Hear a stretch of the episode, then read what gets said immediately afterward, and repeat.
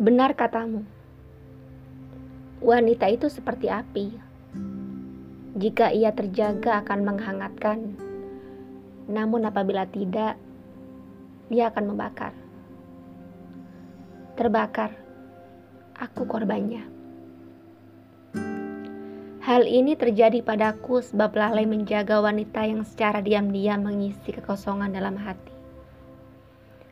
Ranum senyum yang ah tak bisa aku jelaskan. Memabukkan dan parahnya bisa membuat candu. Sorot teduh matanya meluluhkan segala gundah dalam benakku.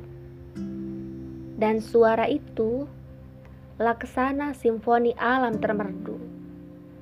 Bagiku, dia adalah wujud keindahan tiada banding. Andai seluruh waktu habis untuk menatapi parasnya, bercengkrama dengannya, aku rela. Perbincangan apa pun menjadi seru, walau hanya remeh-temeh. Atau soal ukuran jendela ideal, rumah idaman, topik obrolan di suatu hari.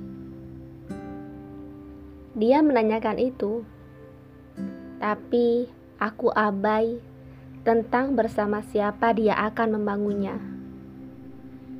Dengan sampainya sepucuk permohonan hadir di sebuah perhelatan sakral, ternyata bukan aku orangnya tapi yang lain.